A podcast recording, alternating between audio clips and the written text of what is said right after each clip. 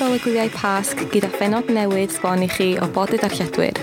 Dych chi'n siŵr o wybod erbyn hyn ein bod ni'n holi darlledwyr gorau Cymru am ei gyrfaon nhw, yr heriau a'r uchafbwyntiau. Os taw dyma'r benod gyntaf, mae trit i chi heddiw gyda sgwrs rhwng Alisa Epton o'r ail flwyddyn ac un o newyddiadurwyr am lycaf y BBC, Sian Lloyd. Yma mae hi'n siarad am sut yr aeth hi o fod yn ohebydd iechyd, i fod yn ohebydd rwydwaith i'r BBC, i fod yn gyflwynydd breakfast ac ohebu Crime Watch. Nawr, mae hi'n gweithio yn llawrydd ac newydd gyflwyno cyfres evacuees ar S4C. Mae'n sicr yn werth gwrando ar hwn. Wel, diolch am ymuno hefo fi heddiw Sian. I gychwyn, sut ti'n hoffi sôn ychydig amdano ti a dy waith ar hyn o bryd? Ie, yeah, Sian Lloyd ydw i, um, gohebydd a cyflwynydd. Um, dwi wedi bod yn newyddiaduraig um, dros chwarter ganrif. Um, dros yr adeg yna, dwi wedi bod yn gweithio gyda yr BBC am y rhan fwyaf o'r amser. Um, ond um, llynedd, mi ys i'n llaw rhydd ac ers hynny dwi wedi bod yn gweithio dwi'n bach i Esbydorec ar gyfres o'r enw Evacuees. Um, mae hwnna wedi mynd allan ar yr awyr yn barod. Um, a hefyd dwi'n gwneud dipyn bach o waith yn ôl yn y BBC. Dwi'n cyflwyno drive a Radio Wales uh, dros dro. Mae'n swnio'n andros exciting. So, dyma ti'n sôn am dy waith cyflwyno, yn gan i fynd nôl i'r cychwyn cyntaf. Felly, dyma ti'n graddio yn y gyfraith ac yn mynd i hyfforddi a gweithio fel cyfreithiwr yn Llundain a Hong Kong. Pam nes ti benderfynu trosglwyddo i'r byd darlledu? Wel, um, hwnna'n cwestiwn dda. Um, cwestiwn ei cymleth hefyd, um, dwi'n meddwl, achos jyst yr adeg yna, o'n i ddim yn siŵr be o'n i eisiau wneud pan o'n i'r ysgol. Um, a penderfynais wneud gradd yn yn um, y gyfraith a mi nes i mwynhau yn fawr iawn. Ac wedyn pan o'n i dwi'n meddwl yn yr ail flwyddyn daeth y cwmnïau o gwmpas um, yn cynnig fel sponsorship um, ar gyfer wneud articles um, sef hyfforddiant um, A mi nes i ddeud, o oh, ia, na i wneud hynny. Sain on y dros y dau. Um, a wedyn, ti'n mor, rhai flynyddoedd um, ar ôl hynny, o'n i wedi graddio. Um, mi es i, i coleg y gyfraith yng Nghaer i wneud Law Society Finals. A wedyn allan, wel, i Hong Kong ac i Llundain i wneud um, articles fi. So, o'n i wedi wneud popeth, ond i ddeud y gwir, just doedd fy nghalon ddim yn y gyfraith. Um, o'n i'n gweithio i cwmni fawr, oedden nhw'n ffantastig, uh, fel corporate law um, oedd gwaith nhw. Ac Oedd gen i diddordeb um, mawr yn y newyddion um, ers i mi bod yn ifanc iawn pan o'n i'n yr ysgol, o'n i'n sgwennu um, i'r offograff. uh, hwna fel oedd, um, so, oedd ni just yn unrhyw beth, really, um, fel rhan o gwersi Saesneg, ond hefyd oedd, oedd gan ni publication ma, ac o'n i'n mwynhau sgwennu'r yr offograff.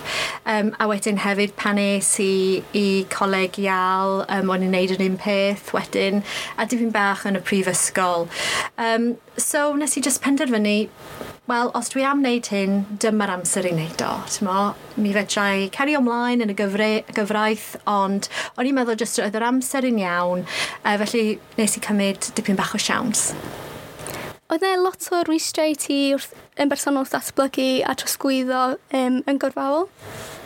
Wel, ie, yeah, achos yn gyntaf, be nes i oedd trio cael gwaith um, profiad, work experience. So mi es i i cwmni lleol um, Marcher Sound Um, a nes i just troi fyny a gofyn o oh, fedrai cael dwi'n bach o profiad gwaith. Um, Ddaru nhw cynnig y bythefnos i fi ac oedden nhw'n brysur iawn achos just tîm bach oedd ganddyn nhw. Felly o'n i'n just trio helpu allan neu dipyn bach o bob dim um, yn dysgu mo, wel be oedden nhw'n neud. Um, a wedyn ddaru nhw cynnig swydd i fi achos oedd, ang oedd angen mwy o bobl i weithio na. Um, felly mi ges i profiad gyda nhw am flwyddyn hyn a dros yr adeg yna mi nes i'r NCTJ felly mi es i yn ôl fel i'r ysgol un diwrnod um, bob wythnos. Um, felly mae dipyn bach fel postgraduate mewn ffordd, ond um, hyfforddi yn y lle gwaith. Um, felly oedd angen i ni wneud stwff fel y gyfraith, ond o'n i'n gwybod y gyfraith anyway, ond fel shorthand oedd angen i ni wneud, um, felly fel modules. So nes i ddysgu um, ar gyfer yr NCTJ, um, ac wrth gwrs o'n i'n dysgu bob dydd yn yr adran newyddion, jyst adran newyddion bach oedd o, ond o'n i ar yr awyr bob dydd efallai yn um, darllen y bulletins neu just yn sgwennu rhyw pwt bach 30 eiliad. Felly hefyd oedd yna lot o pobl profiadol iawn oedd yn gweithio um, i'r cwmni yr adeg yna. Doedd yna ddim lot o bobl, ond oedd y pobl oedd yna yn profiadol iawn. Ac hefyd oedd nhw yn hapus iawn i helpu, felly oedd yna'n gret i fi yr adeg yna, achos oedd yna gymaint i ddysgu, oedd popeth yn wahanol i'r byd o'n i di arfer gyda yn y gyfraith. Ond o'n i just really yn mwynhau. Um, felly o'n i wrth fy modd, o'n i'n edrych ymlaen i mynd i'r swyddfa bob dydd, edrych ymlaen i mynd allan gyda you a fi, recordio rhywbeth. Uh, felly Felly, doedd e ddim really fel gwaith i fi. Um, so ar ôl y blwyddyn cynta, um, ys i penderfynu, penderfynu trio cael swydd arall a symud ymlaen dipyn bach i cael mwy o profiad.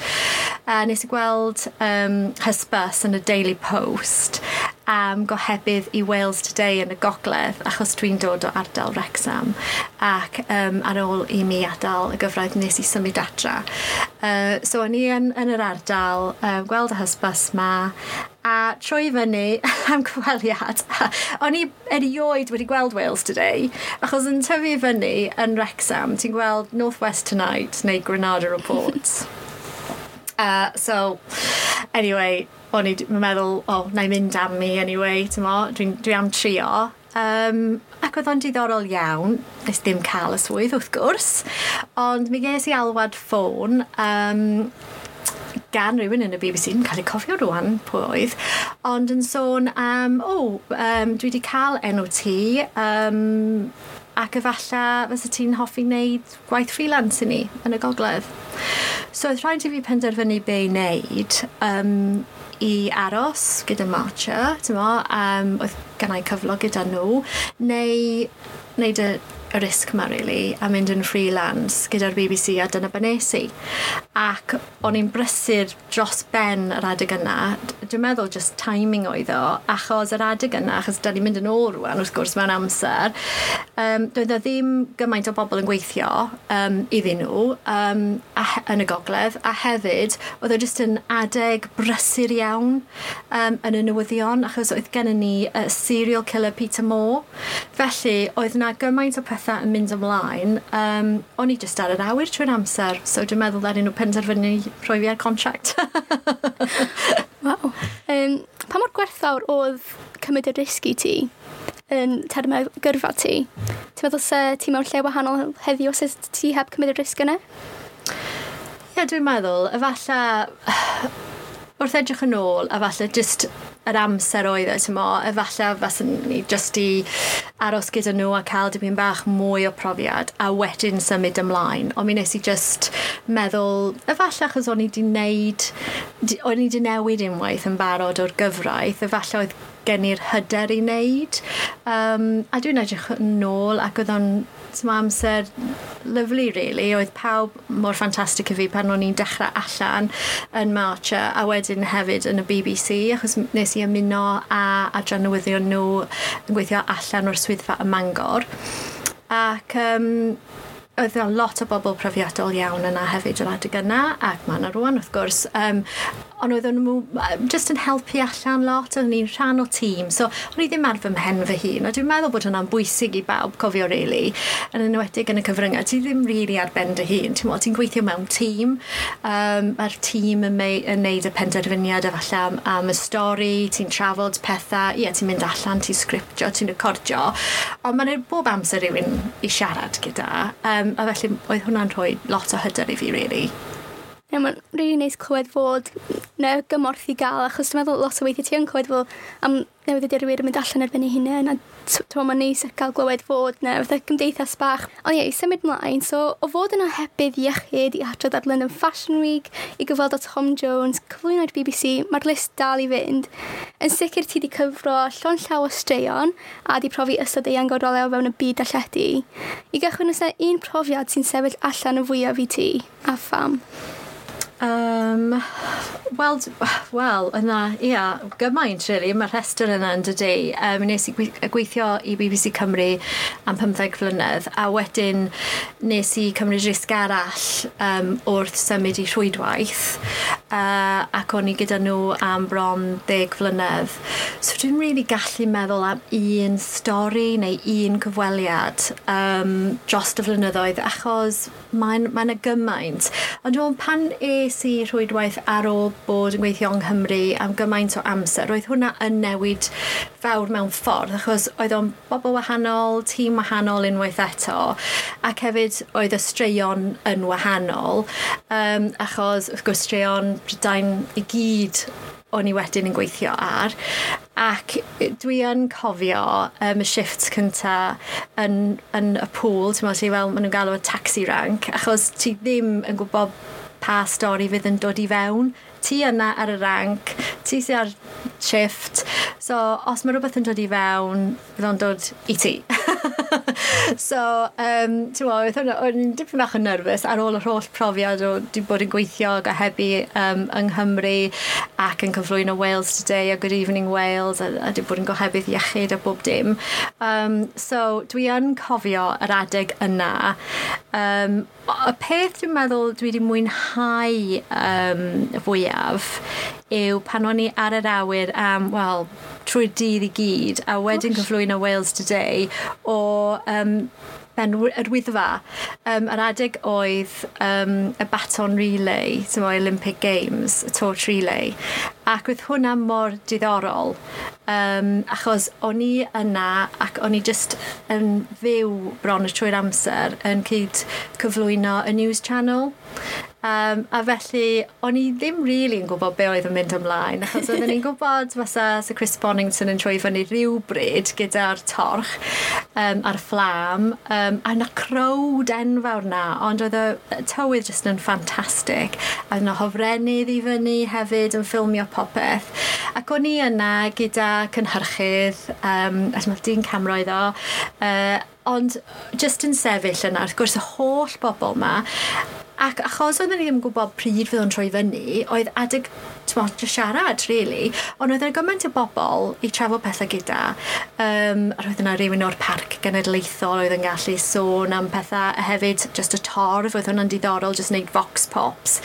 Um, achos o'n i'n clywed be oedd yn mynd ymlaen o'n nghyst, achos roedd y satellite fan, o, oh, rhyw, dwi'n siŵr lle, yn beth gelet neu rhywle, um, ac o'n i ddim yn siŵr sut oedd popeth yn gweithio, ond oedden nhw'n gallu gweld wrth gwrs um, be oedd yn dod o'r hofrennydd, y ffid a'r camerau, felly oedden nhw'n dweud he's nearly there, Sian, just keep talking a bit longer, keep talking a bit longer, he's nearly there, we're about to see him. A o'n i'n meddwl, be dwi am ddeud wedyn? Achos dwi'n gallu gweld o. Um, a bydd y gynulleidfa'n gallu gweld o, beth sy'n mynd ymlaen. Um, a dwi'n neud fel y commentary. Uh, ond nath o gweithio allan. Ac roedd e just yn really foment yn doedd, dwi'n meddwl. Um, a weithio dwi'n edrych yn ôl ar y lluniau a ddol, dwi eisiau really ddim yn gallu credu mi nes i hynny. Siwr hyn yn teimlo'n rhywun neis ddo, fod ti wedi cyflawni o beth mor cool. Ie, yeah, ie, yeah, dwi'n meddwl. A hefyd, jyst oedd o mor positif, um, achos oedd pawb yn mwynhau y profiad, oedd pobl wedi mynd i fyny a, a falle oedden nhw wedi climio fyny, cerdded i fyny neu ar y tren. Um, oedden nhw isio bod yna ac uh, jyst yr awyrgylch yn ffantastig. A ti'n gwybod, yn y newyddion, mae yna gymaint o straeon trist a pethau ddrwg sy'n digwydd. Oedd o just mor braf i bod yn cyflwyno ar stori oedd yn positif a pawb yn mwynhau ac hefyd roedd yr hael allan. Swnio o bach o parti allan. I oedd. Um, ond, ie, yeah, dyma ti'n sôn am fatha twa, y broses o dysgu sut i siarad ta bod rhywun arall siarad yn clis ti. Ond y pethau o ti angen neud i paratoi ar gyfer hynny neu wyt ti jyst yn dysgu wrth i'r job mynd ymlaen? Dwi'n meddwl dysgu wrth i'r job mynd ymlaen. Wrth gwrs, doedd na ddim...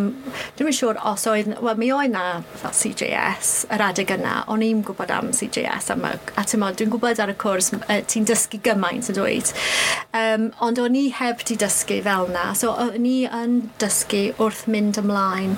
A dwi'n cofio tro cynta i cael y profiad. Um, oedden nhw just really wedi lawnsio uh, satellite news service oedden nhw'n galw y peth. A ddar i'r fan dod i fyny um, o Gardydd i Fangor a cael y profiad am y tro cynta o wneud rhywbeth yn fyw.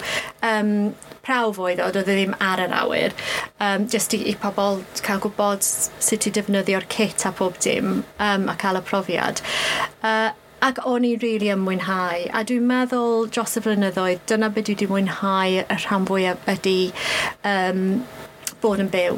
Mae yna buzz um, wrth wneud pethau fyw. Um, ond hefyd dwi wedi dod yn enwedig um, yn yr amser gyda rhwydwaith i wneud mwy o adroddiadau um, a ti'n meddwl mae hwnna'n sgil wahanol yn dydy dwi'n meddwl wrth sgriptio yn enwedig ti'n meddwl mae yna sgil wahanol i sgriptio i teledu neu sgriptio i radio. Ond pan ti'n fyw ti yn siarad ond wrth gwrs ti'n siarad mewn ffordd wahanol efallai ti'n siarad bob dydd achos ti'n siarad i gynulleidfa a mae yna stwff ti isio deud wrthyn nhw mewn ddim lot o amser. Uh, so mae rhaid meddwl reit sut dwi am deud hyn rwan um, a cael popeth drosodd iddyn nhw a weithiau wrth gwrs mae rhywun yn deud yn glist. Uh, Ie, yeah, does gen ti ddim dau funud rwan, munud a hanner. so ti'n meddwl, rei, be dwi ddim am ddeud rwan, be dwi am colli. Na weithiau, maen nhw'n deud, oh, can you fill three minutes? Oh, oh okay then. Hwna beth dwi'n am. Ie, yeah, yn union, hynny'n cwestiwn. So ni wedi cwpio fo'r stres yna. So beth ti'n meddwl sy'n well gen ti gweithio yn fyw ar y teledu neu ar y radio? Uh, Mae'n cwestiwn anodd. Um, Wel, mae'n dibynnu, really. Dwi'n meddwl, dwi'n really mwynhau wedi wneud ar hyn o bryd gyda Drive, just yn, ti'n dwi'n just yn llenwi fewn, ond mi nes i uh, cyflwyno uh, Good Evening Wales flynyddoedd yn ôl. Mae'r rhaglen di newid cryn dipyn ers hynny. A mae hwnna'n gret achos dwi'n mwynhau holi pobl, a mae angen isio ofyn cwestiynau. Mo, dyna beth yw'r rhan fwyaf o'r job yn de. Um, isio, a hefyd isio gwrando ar bobl.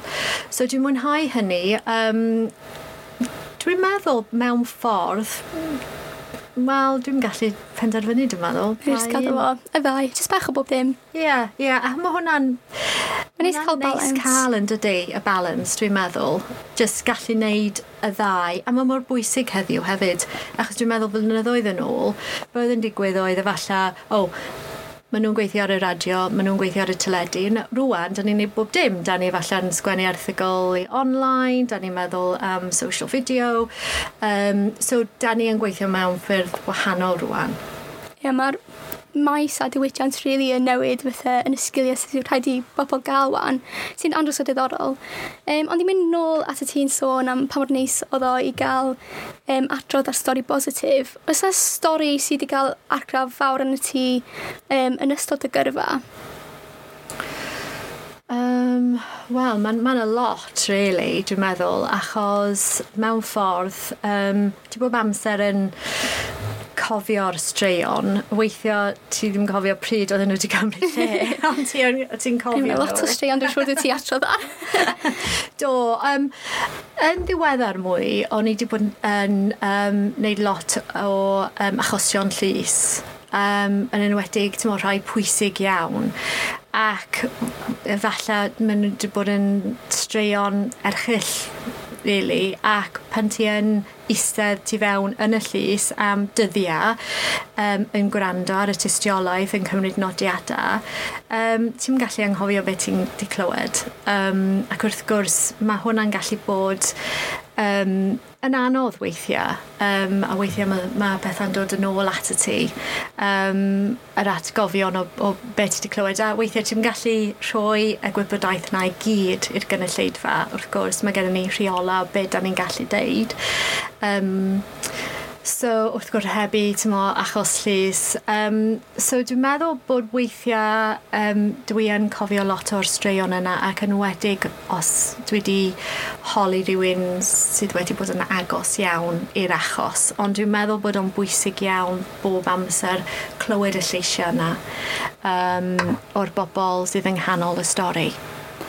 Wel, Sian Gairys ofyn, sut wyt ti'n mynd ati wedyn i delio efo'r pwysau yna wrth adrodd i to, ganwydd o filoedd o bobl y straeon yma? Os yw beth ti'n neud i dy hun er mwyn to, trio gwahanu fatha ti o'r fod yn hanol y straeon weithiau? Na, dwi'n meddwl, um, Dwi'n dwi meddwl, mae rhaid, um, ti ddim yng nghanol y stori, ond pan ti'n neud stori fel na, yn enwedig os mae'n stori sy'n mynd ymlaen weithiau am wythnosa, ti'n dilyn y stori, mae angen bod yn agos i beth sy'n mynd ymlaen, ond wrth gwrs swydd ti yw i ddeud y stori. Um, i'r gynulleidfa.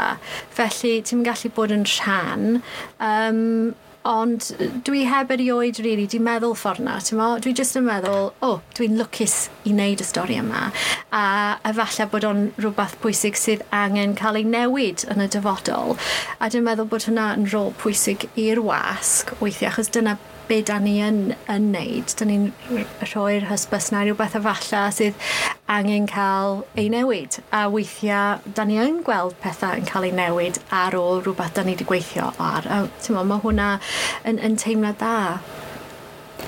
So, i gysylltu efo hynny, be sy'n allweddol fel cyflwynydd yn adrodd nôl i'r gynulleidfa? Fatha, be di'r peth fwyaf bwysig i gofio neu'r sgil fwyaf gwerthfawr?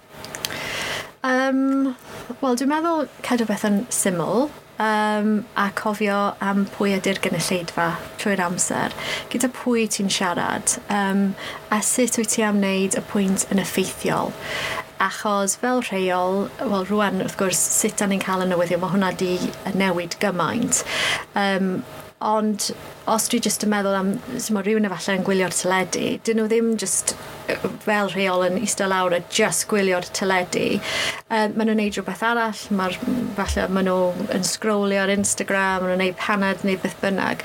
So mae angen cofio, dwi'n meddwl, dyn nhw jyst ddim pob amser yn, yn gwrando'n astyd a beth ti'n deud. So os ti yn gweithio ar y maes teledu, gwrs mae lluniau mor bwysig yn dydy.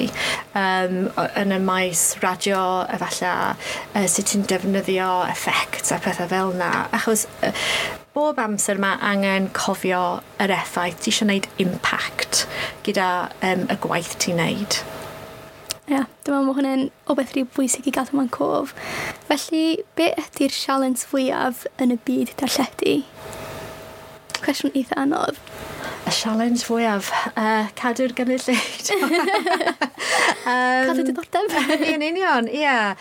Um, just cadw i fyny, dwi'n mm. meddwl, mm. ynde? Dyna beth yw'r sialens, cadw i fyny. Um, achos mae pethau yn newid yn gyflym um, a dwi'n meddwl mae angen i, i pawb newid hefyd. A, a dwi'n meddwl bod um, da ni wedi wneud hynna dros y flynyddoedd a fyddwn ni dal yn wneud hynny. Wrth gwrs mae pobl newydd yn dod drwodd a mae gan pawb um, rhyw syniad wahanol a mae hwnna'n gret i cael syniadau newydd a dwi'n meddwl bod o'n gwych i gael gymaint o bobl newydd yn dod i fewn um, gyda y syniadau nhw, really. A dyna beth dwi'n really licio wneud, ydy gweithio gyda pobl tymo, o oedran wahanol, achos di bob amser yn, yn dysgu rhywbeth.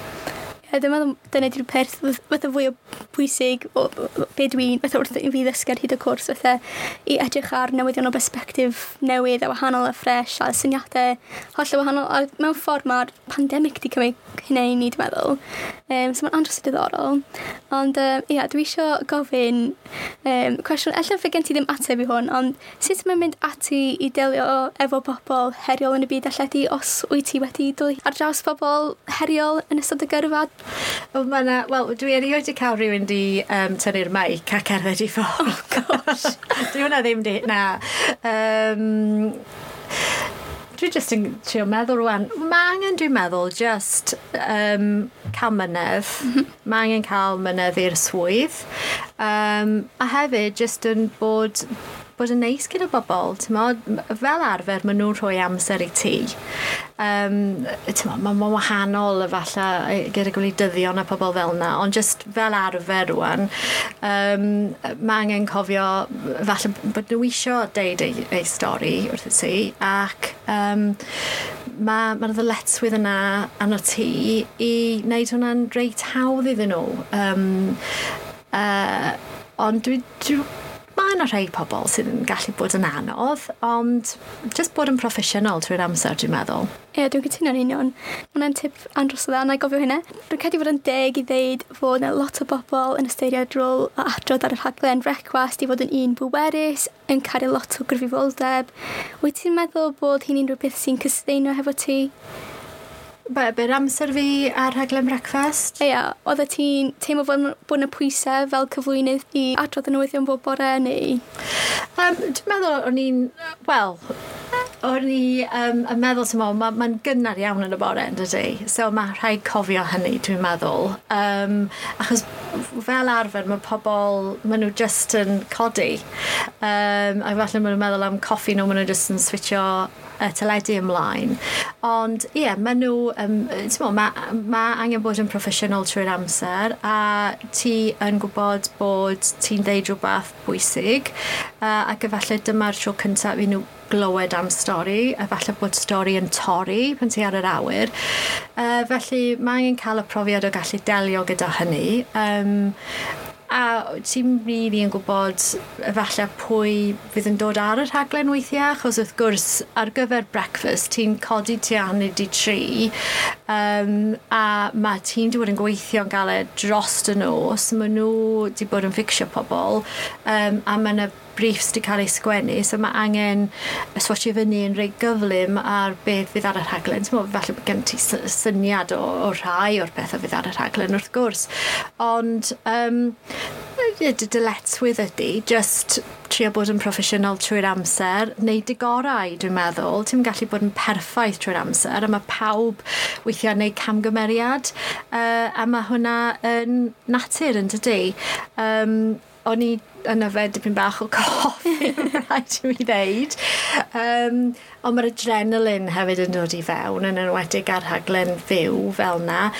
Ond unwaith eto, ti'n rhan o tîm, a mae'r tîm yn profiadol iawn, a maen nhw'n proffesiynol, maen nhw wedi gwneud lot o gwaith. Felly, dwi'n meddwl pan ti'n gyflwyno rhaglen, ti jyst yn meddwl, wel, dwi, dwi yma'n gyflwyno, ond mae yna tîm enfawr tu ôl i'r llenni sydd wedi bod yn gweithio mor galed ar y rhaglen yma. Dwi eisiau gwneud fy ngora ar gyfer nhw hefyd, achos um, ar diwedd y dydd, dim fel rhaglen pwy bynnag sy'n darllen di, ond na di, mae'r rhaglen y, y tîm i gyd, y pawb sydd wedi bod yn gweithio i, wel, dros nos neu ar Wales Today yn ystod y dydd yn dod o popeth at ei gilydd, yr un peth gyda 6-10 o'clock news, a ti yn teimlo fel na pan ti'n gweithio i rhaglen, um, bod ti yn rhan o tîm.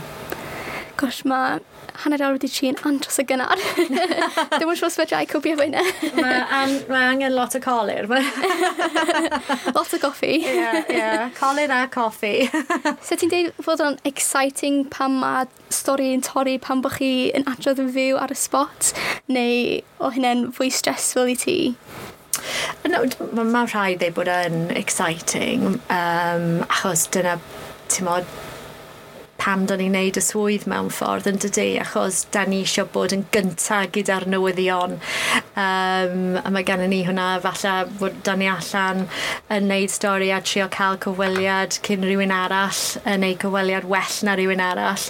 Felly, os ti ar yr awyr, y mae stori yn dod i fewn ac yn torri, wrth gwrs, um, dwi'n meddwl bod yn, yn, yn reit exciting, ond wrth gwrs mae angen wedyn bod um, ar, ar top y popeth, really, achos mae angen um, cofio bod da ni yna i um, ddim i ddychryn bobl chwaith, um, ond a, a dim dod yn bod yn sensationalist, ond i ddeud y newyddion o beth da ni'n gwybod yr adeg yna, ac wrth gwrs, fyddwn ni ddim yn deud rhywbeth oedd heb di cael ei checio allan. So mae ma, ma pethau'n digwydd yn gyflym, ond bod safona dal yna, mae rhaid i'r safona bod dal yna, a just y uh, ffaith bod rhywbeth yn torri, ti'n mynd anghofio popeth ti wedi dysgu, a dwi'n meddwl bod um, mae mwy bwysig yr adeg yna i cofio beth ti wedi dysgu, um, achos ti'n mo, dyna'r adeg, ti efallai yn gallu wneud camgymeriad, efallai fydd um, yn, yn dipyn bach o problem. So, um, ond oedd y bob amser yn, yn, yn, yn diddorol, weld stori efallai'n dod i fewn a sut oedd y stori yn datblygu, efallai trwy'r rhaglen. Um, achos gyda breakfast, yn mwyn awyr 3 awr, uh, jyst sadwn 4 awr, um, neu efallai os ti ar shift, ti'n mo, um, yn y radio newyddion, ti'n gweld y stori yn datblygu trwy'r dydd, a mae'n ma really diddorol. Um, a dwi'n meddwl dyna pam mae'r job yn ddiddorol, achos mae'n y gymaint o bethau wahanol sy'n gallu digwydd mewn shift hefyd lot o gyfrifoldeb hefyd. Um, ond andros o diddorol, wneud i fi wrtha eisiau cychwyn wan. Ti'n ma jyst yn diddorol um, cael clywed y straeon yma. Ti wedi profi amryw rôl o fewn y byd darlledu, megis cyflwyno rhaglen brecwas, crime watch i rhaglen evacuee sy'n dangos profiad plant heddiw a'r daith hanesyddol. Sa so, o beth yn y byd darlledu o ti'n awyddus i fentro i yn y dyfodol? Uh, Wel, dim i bod ar mastermind, bod rhaid i mi ddeud, yn ymwedig ar ôl um, ymddangos ar University Challenge, yeah, ddim wedi bod yn dda iawn. na, oedd ti'n dream i dda? O na, o'n i'n dda nodio. Gwell na fi. Y conferring, dyna bod o'n i'n dda, ond uh, oedd o'n profiad wych, um, rhaid i mi ddeud. Um, ond, ie, uh, yeah, di gwybodaeth cyffredinol ddim yn rhywbeth dwi yn, yn, yn meddwl di strength fi o gwbl. Um, a, a beth dwi'n licio weithiau, ti'n mo, yn, yn, yn maes da ni'n gweithio yn, ydy, mae angen gwybod dipyn bach yn pob dim. Ac e, wedyn ti yn dysgu lot A dwi'n meddwl dwi'n dysgu lot pob dydd dal i fod. Dwi'n dysgu am technoleg, siŵr, achos mae hynna'n newid trwy'r amser. Ond ti dal yn dysgu a ti just yn cael y siawns i cyfarfod pobl mor diddorol a sydd efallai wedi gwneud rhywbeth really diddorol a pwysig yn eu bywyda nhw. Um, so dwi just yn meddwl, really, um, mae rhywbeth dwi'n dwi falch i wneud, ond uh, yn mynd yn ôl i'r cwestiwn Uh, na, dwi ddim yn siŵr eto. Um, mae yna pethau, dwi'n siŵr, dwi'n dwi meddwl dwi eisiau gwneud pethau wahanol, um, ond definitely ddim mynd ar mastermind. Yeah. Rhywbeth i feddwl am? yeah. Ella, un dydd, ti beth yn gwybod? Wel, bydd angen lot o waith paratoi. lot o waith convincing ella. Ie, yeah, yn union. A does yna neb i gallu gwneud y conferring efo. um, ond thema sy'n, dwi'n credu sy'n andros o bwysig i drafod cyn i ni gloi ydy'r ffaith dy fod yn fenw yn y diwydiant. So sut fath o brofiad wyt ti wedi cael fath yn menw yn y diwydiant ag ydy pethau yn gwella? Ie, yeah, wel, pan nes i ddechrau, um, mi o na y, y cwindipyn o fenywod um, yn yr adran newyddion. Um, Dwi'n cofio oedd na pan nes i ddechrau marcha, ond pan nes i'n mynd o BBC Cymru, mi o na, um, ac oedd, oedden nhw'n help fawr i fi. Uh, Ond mae yna mwy rwan wrth gwrs, a mae pethau wedi newid. So, efallai oedd e fel llon llaw, ond rwan, ti'n bod, da ni bron hanner a hanner neu beth bynnag. So, mae hwnna yn gret i weld sut mae pethau wedi newid. A dwi'n meddwl y peth pwysig ydy, um, y ffaith bod pobl yn gweld fenywod yn neud y swydd, uh, a wedyn ti'n ti gweld bod o yn rhywbeth efallai fys ti'n teimlo hyder, o dwi'n gallu wneud hwnna, achos dwi wedi wneud, dwi wedi weld hi wneud y swydd. Um, so mae hwnna yn, yn bwysig iawn, dwi'n meddwl. Ac wrth gwrs, um, ar y levels i gyd, uh, mae angen cael um, role models. So, ie, yeah, mae pethau wedi newid, um, a dwi'n meddwl, ti'n meddwl, wel, fyddwn ni beth yn edrych yn ôl na fyddwn? Na, yn union. Ond mae'n cam bwysig, ag Dwi'n meddwl mae y ffaith bod ni yn gweld cynrychioliad, mae mor bwysig a mae'n neud byd o gwahaniaeth ar diwedd y dydd. Um, achos dwi'n meddwl bod ni'n gweld fwy o fwy o menywod ifanc yn mynd mewn i newyddiaduraeth sy'n and so exciting. Ydy, mae'n gret. So, wrth i ti weithio fel gohebydd Cymru y BBC yn Llundain, faint o her oedd dod o hyd i straeon am Gymru ar y newyddion 60 y BBC? Oedd yn gret, dim o. Dyna beth o'n eisiau gwneud. Um, Mae'n ffantastig pan ti'n gohebu straeon ddwlad y hun um, a dras Prydain i gyd. Uh, so, o'n i'n really, really yn mwynhau. Oedd o'n gred pan o'n i'n gohebu fel Midlands Correspondent hefyd, achos o'n i'n dysgu lot, achos wrth, wrth gwrs mae pethau'n wahanol yn Lloegr ond dio ddim yr un fath, dwi'n meddwl, a cynrychioli eich gwlad mewn ffordd. Um, ac hefyd, mo, dwi wedi tyfu fyny um, yn Wrexham, wel ers mi bod yn uh, saith neu, neu wyth, o'n i'n byw yn Birmingham cyn hynny, ond wedi cael fy ngeli, ngeni yn Gogledd Cymru. Um, so, dyna be, be oedd y breuddwyd, really. Ond, ti'n pan o'n i'n neud y swydd yna, o'n, on i'n meddwl, ti'n meddwl, really, really yn, yn mwynhau Um, Ond wrth gwrs, mae yna gymaint o straeon sy'n cystadlu pan ti'n gweithio ar y safon yna. Um, achos mae'r rhaglen 6 o'clock news neu 10 o'clock news dal i fod mond hanner awr. Um, a wedyn ti'n tynnu'r tywydd allan, a'r stings, a trails, a headlines, a bob dim. Does yna ddim lot o amser a mae rhaid i pobl penderfynu be sy'n mynd yn y rhaglen.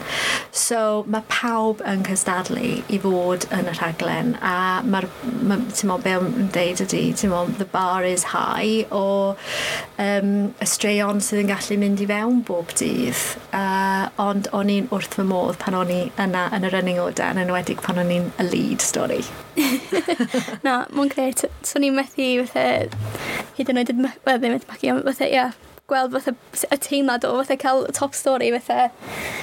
Ac yn erbyn y gystadleuaeth hefyd, dwi'n meddwl mae hynny'n ategu at y byd newyddion bod gennym ni hefyd gystadleuaeth ond hefyd anghenion i darlledu a cynnig newyddion i pawb. So mae'n andros o exciting ag andros o gyflym hefyd.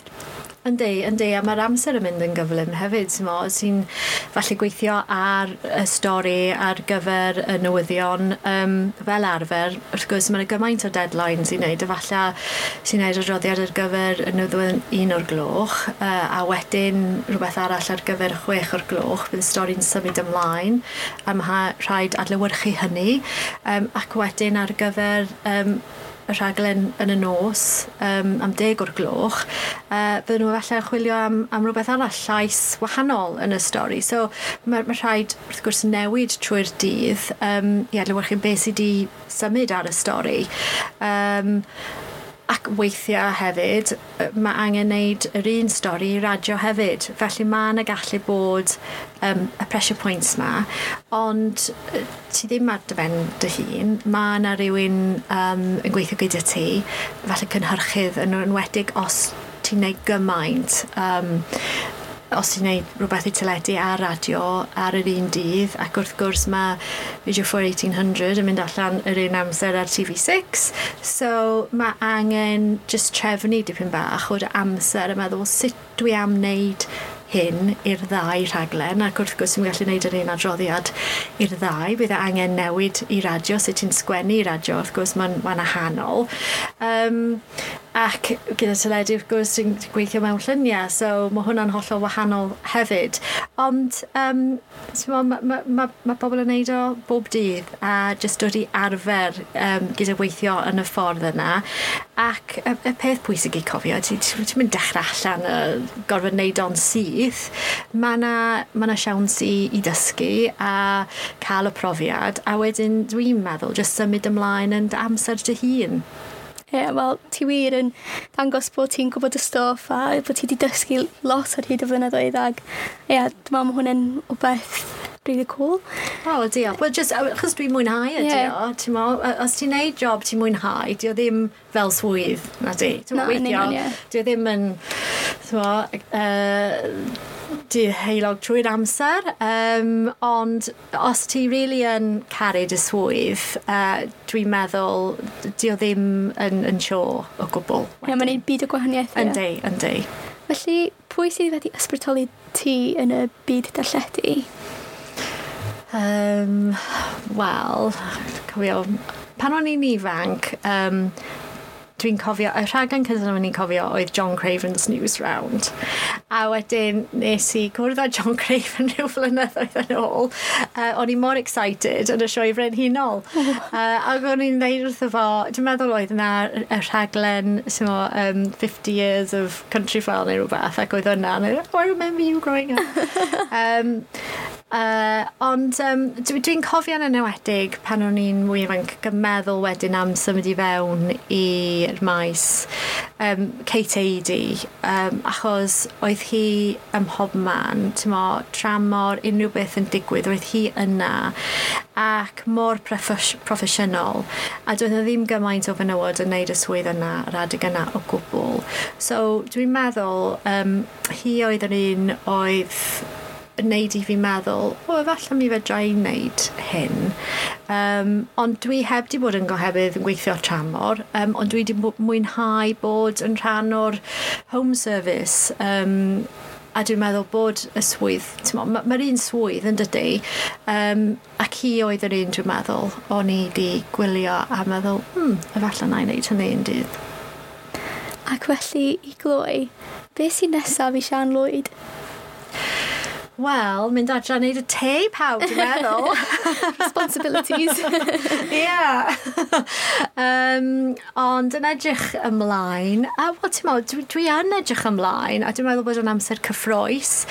A ti'n meddwl, dwi dros hanner ganrif rwan, a dwi jyst yn meddwl bod mae'n ddigon o cyfleoedd dal allan yna. Yn sicr. Uh, so, dwi just, wel, ti'n meddwl, agor i unrhyw beth, really. Mae'n swnio'n andros exciting ac dwi'n edrych mlaen yn fawr i weld be ti'n mynd ymlaen i wneud nesaf. Ond ia, dyna ni, diolch yn fawr i ti am ddod i drafod hefo fi heddiw. E, mae wedi bod yn bleser a dwi wir yn gwerthfawrogi amser ti, so diolch yn fawr Sian. O, diolch i ti. A dyna ni, Alisa Ebdyn yn holi Sian Lloyd. Gret clywed am yrfa newyddiadurwraig sydd wedi cael cymaint o brofiadau. Diolch Sian am siarad â ni. Erbyn hyn, mae da ni DJ Hugh Stevens, y gyflwynwraig Elin Fleer, a'r hyfryd Dos Davies yn barod i chi wrando. Ac mae yna lot mwy ar ei ffordd, felly cofiwch dan ysgrifio. Tan y tro nesaf, hwyl i chi.